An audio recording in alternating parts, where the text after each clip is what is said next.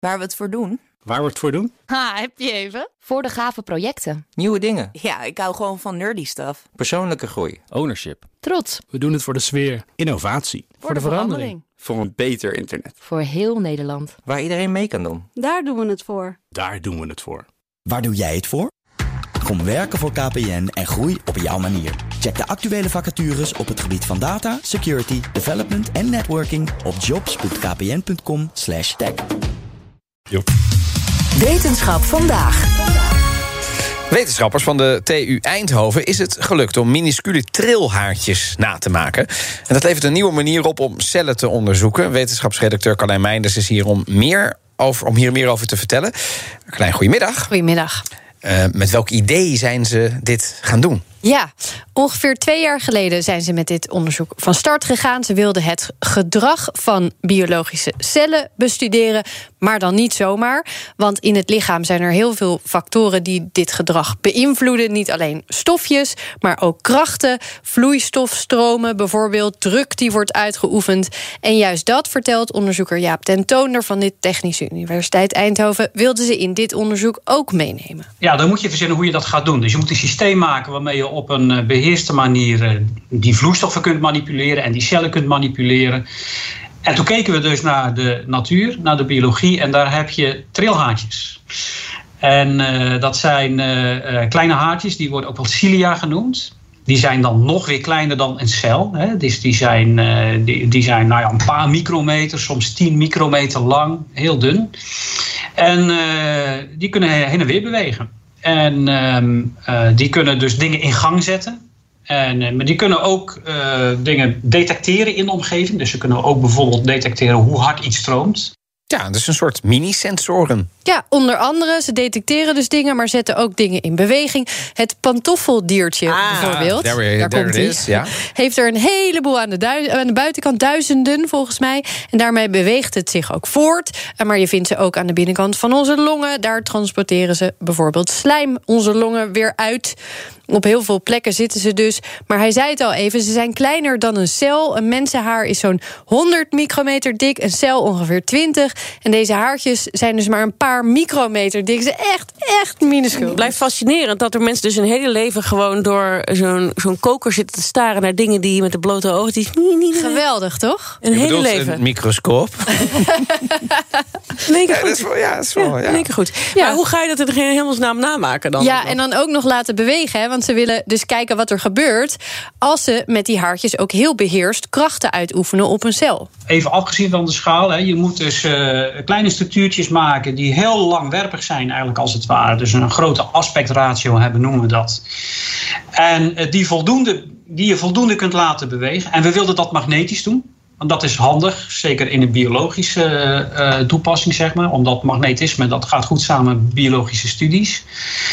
En ja, dan is het heel lastig om met zo'n magneetveld zo'n uh, voldoende te kunnen laten bewegen. Dus dat is eigenlijk al heel lastig. Je moet voldoende krachten kunnen uitoefenen. En dat wordt trouwens ook steeds moeilijker naarmate die trilhaartjes kleiner worden. Ja, ik kijk er heel moeilijk bij, want ik probeer even te volgen wat de beste man zegt. Stel ik je voor, ja. Precies. En het is dus, dus hij vertelt ook een beetje over de worstelingen, want het, het is natuurlijk, maar het is er wel gelukt uiteindelijk. Het is er gelukt en dat is, zei Den Toner er meteen bij, ook dankzij het werk van een hele goede postdoc in zijn team, Tanvir Oeslam. Die kwam met een paar briljante oplossingen. Uh, Toner legt eerst even uit, Den Toner, excuus, wat ze nou uiteindelijk moesten maken. Het is eigenlijk een rubberachtig materiaal, zeg maar. Het is een soort van siliconenrubber bijna. Maar speciaal siliconenrubber. Dus uh, ja, de meeste mensen kennen dat wel als een heel flexibel materiaal. En daarin zitten dan magnetische uh, nanodeeltjes in. En die magnetische nanodeeltjes die zorgen er natuurlijk voor dat die trilhaartjes reageren op een magneetveld. Ja, dan zou je denken van ja, het klinkt makkelijk hè. Dan neem je gewoon dat rubber en dan meng je daar een beetje deeltjes in en dan krijg je het. maar zo werkt het niet, want die deeltjes die moeten natuurlijk super klein zijn. En het rubber moet voldoende flexibel zijn. En je moet er ook nog maar van die kleine trilhaartjes van kunnen maken. Die uh, 10 micrometer uh, lang en een micrometer uh, dik zijn. Of minder nog. Hè? 200 nanometer, 400 nanometer diameter hebben we gemaakt. Wetenschappers zijn echt genieten ook. Hè? Ja. Nou, dan denk jij natuurlijk, doe je dit. Ik, dacht helemaal nee, niks. Dat, dat is gewoon heel makkelijk. Ik, ik was nee. blij dat ik het een beetje. Ja, precies. Nou, we kunnen concluderen dat deze haartjes heel klein zijn in Ja. ieder geval. Uh, nou, met een chemisch uh, proces, een speciaal chemisch proces... bedacht door die slimme postdoc... lukt het nu dus om het juiste materiaal te maken. Maar dan heb je nog geen haartjes. Dus wat we uh, hebben gedaan zeg maar, om die trilhaartjes te maken, is een soort van uh, een mal gemaakt, zou je het kunnen noemen. Maar een, ja, nanomal moet je het misschien maar noemen. Het is eigenlijk een soort van membraan met, met hele dunne poriën. Van ja, met dezelfde uh, vormen en afmetingen als de uiteindelijke cilia. En daar, die poriën die vul je met je nog steeds vloeibare uh, rubberachtige materiaal met magnetische deeltjes. En vervolgens heb je dan ook weer een temperatuurstaf waarmee je dat dan uithardt, hè, zodat het een vast materiaal wordt. Ja, en uh, Tanvir Oeslam had dan nog iets slims bedacht, want die haartjes krijg je er natuurlijk nooit uit zonder dat ze allemaal kapot gaan. Dus nu lossen ze de mal gewoon op. En dan hou je een matje van trilhaartjes over. Een grasmatje van trilhaartjes. Ja, een soort tapijtje. Ja, en als je de haartjes niet beïnvloedt, uh, ze zetten ze in vloeistof, want ze willen ook die stromen kunnen uh, bestuderen. Uh, als je ze niet beïnvloedt, blijven ze gewoon overeind staan. Haal je die vloeistof weg, dan zakken ze wel in, overigens.